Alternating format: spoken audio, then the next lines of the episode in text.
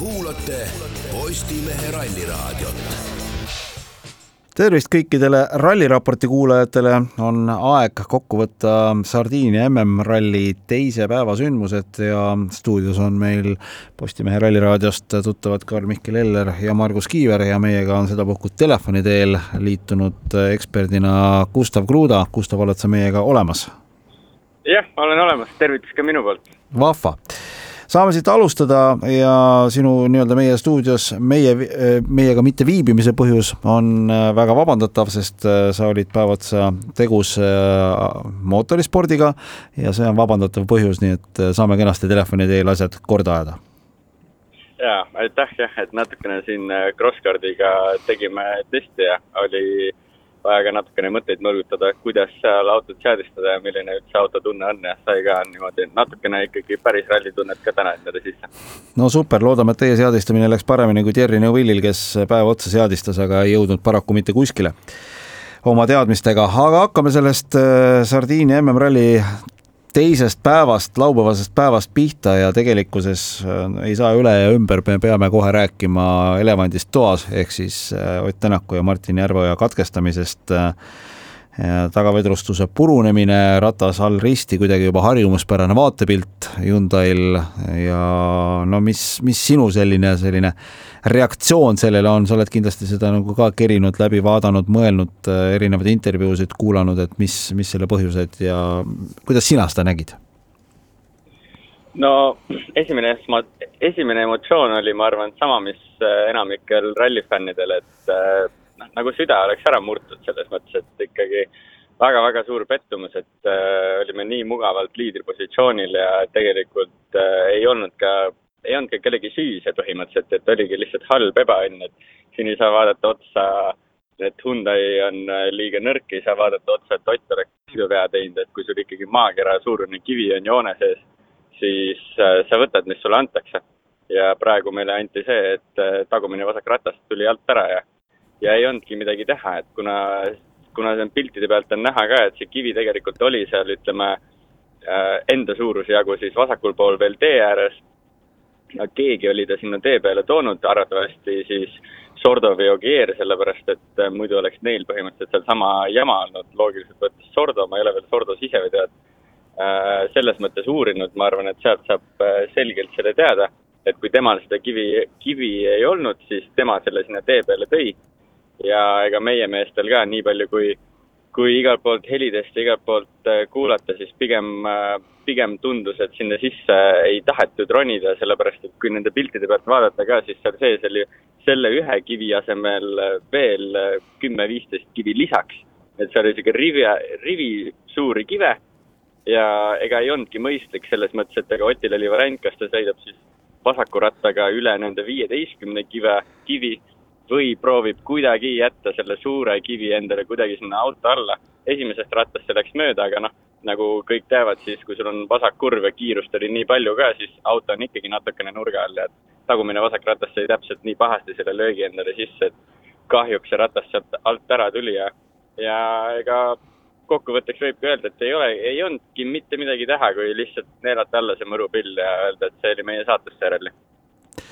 tõsi ta on jah, et, et natukene on selline copy-paste Portugalist äh, kahjuks, äh, kus siis ka kõik oli ju tegelikult nii ilus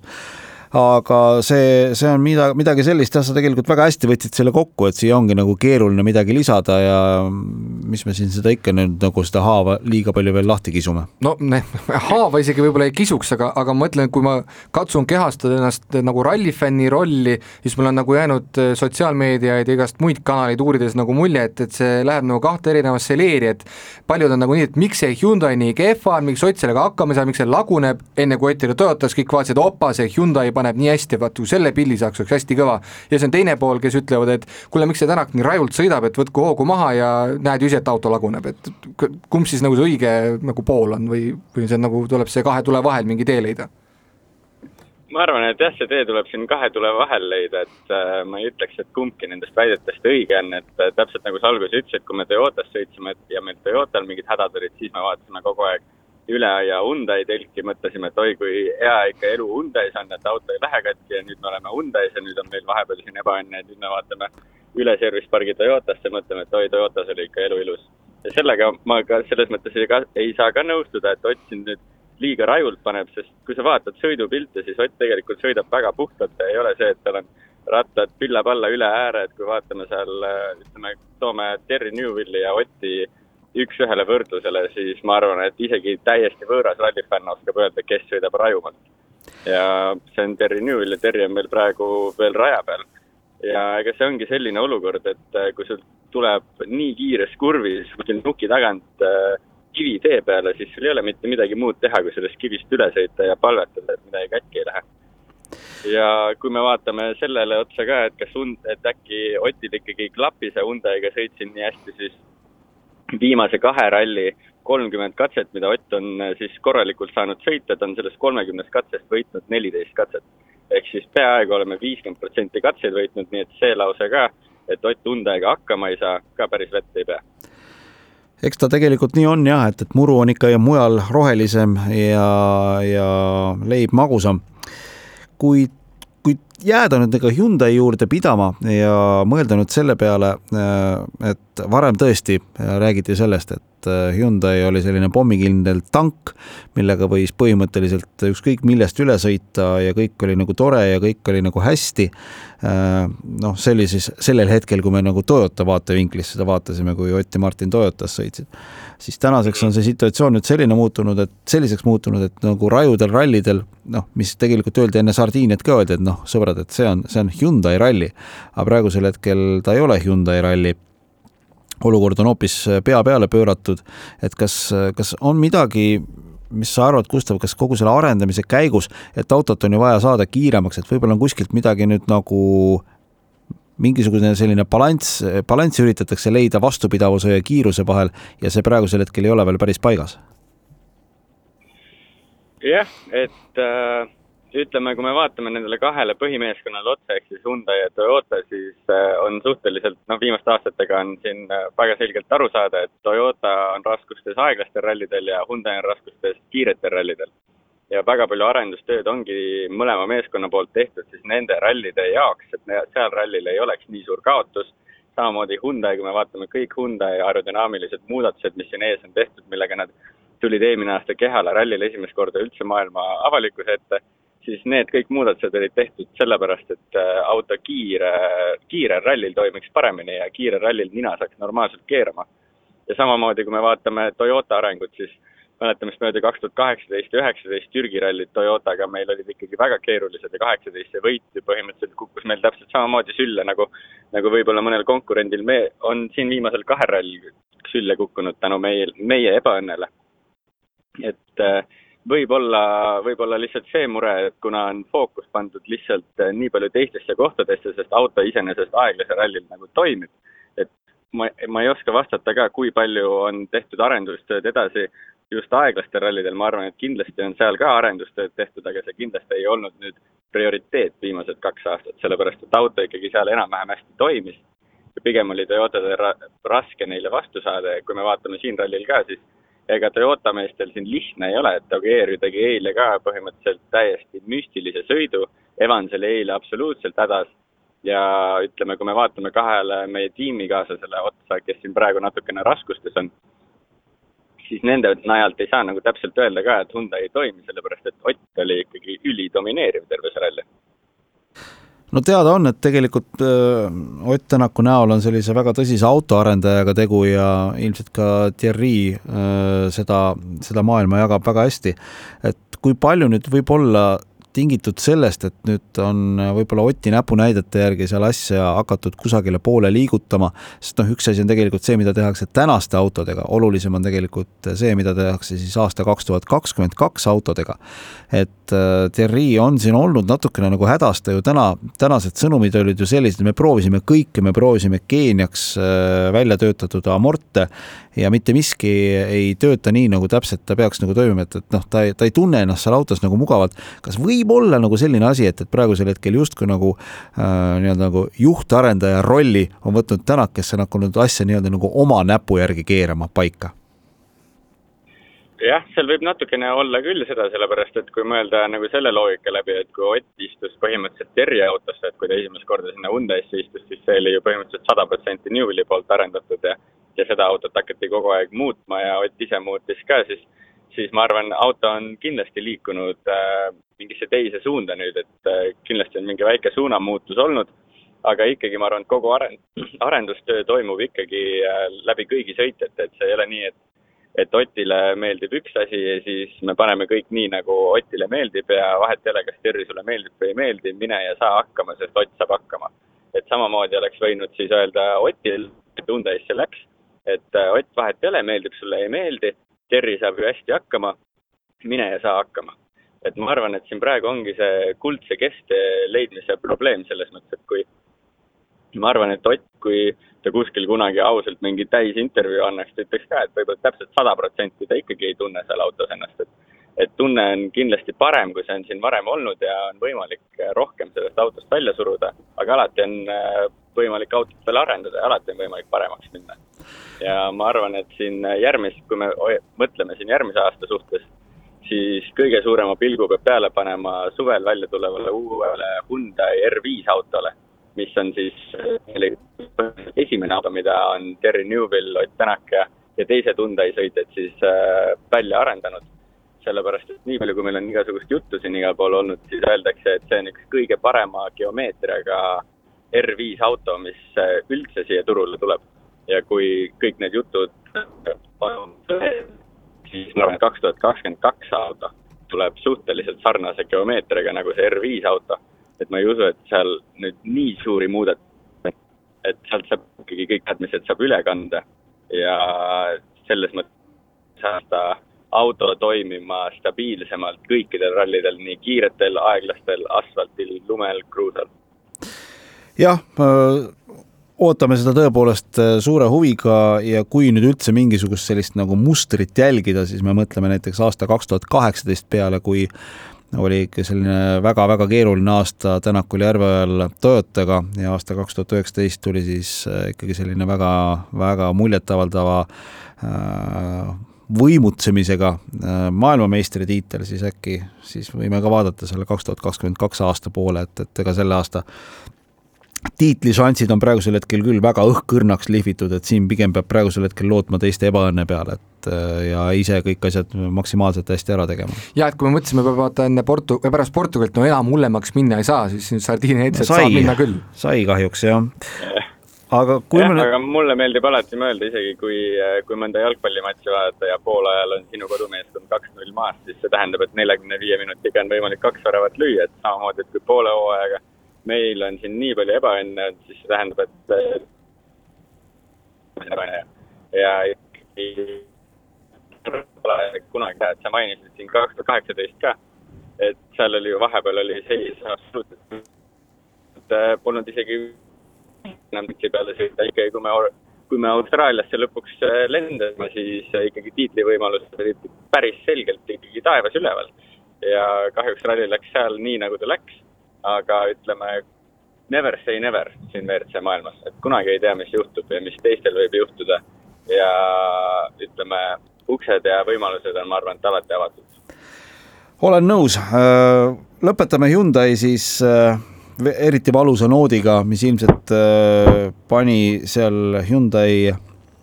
hooldusalas juba elustamisaparaatide järgi haarama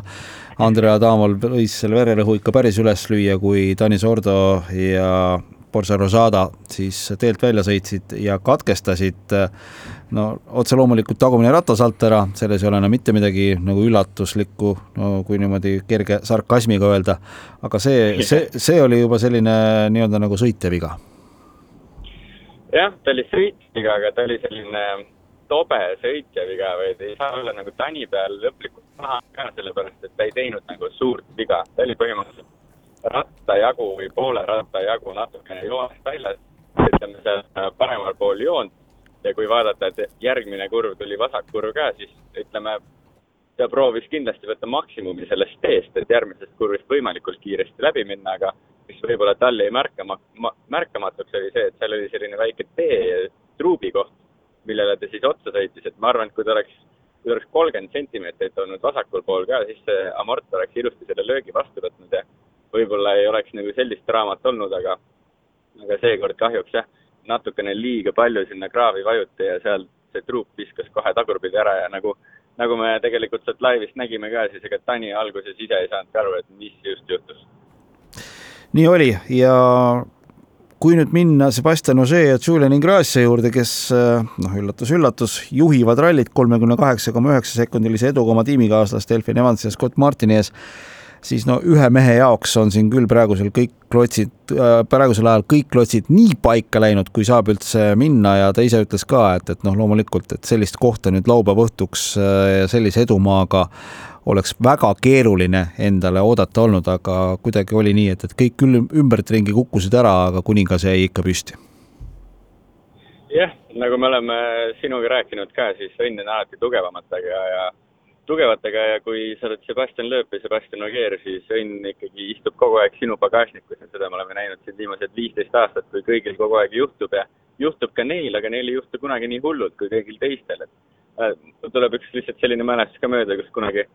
oli ka Sebastian Loebil suur äh, tiitlivõitlus ja ma ei mäleta, mis rallil, äkki oli Hispaania rallil, kus oli käigukasti probleeme ja arvati, et mees jääb raja äärde ja kuidagi murti tagatiiva otsast üks väike tükk ära, topiti see käigukasti sisse ja hops, käigukast toimis, said servisesse välja veereda ja, ja võitsid ralli ja võitsid tiitli. et kõik mingid sellised, sellised väiksed apsud, kus nemad suudavad oma pea ikkagi vee peal hoida, sellepärast et kuidagi on ikkagi võimalik seal läbi mingi ime ära parandada, siis meil on alati mingid sellised probleemid, et noh, ratas on reaalselt auto taga, jookseb taga põhimõtteliselt vööriga, et siin ei ole mitte midagi muud teha, kui oodata treilata endale järgi, et äh, nagu Sebastian ise ka siin ralli jooksul öelnud, et äh, see on ikka suur kingitus, mis tal on siin tegelikult kõik kätte, kätte kukkunud, aga, aga see ongi üks ralli osa, et vahepeal on ka selliseid rallisid, kus sa pead tegelikult sõitma lihtsalt tarka sõitu olema stabiilselt raja peal ja teised mehed siin teevad oma vead ära ja lõpuks oled poodiumi peal. ma arvan, et kõige, kõige parem näide sellest on äh, juunior WRC klass, kus siis Robert Virves see aasta sõidab, kus põhimõtteliselt iga ralli peab sõitma mõistusega, sellepärast et ikkagi seal päris palju juhtub ja autod on nõrgemad ka ja, ja ei saa kogu aeg minna flat out nii-öelda. no mida me nüüd ootaksime homsest päevast, et äh, tänase osas on pilt selge ja nende vahedega, mis siin on, kakskümmend kaks koma seitse kaotab Neuvill Evansile omakorda,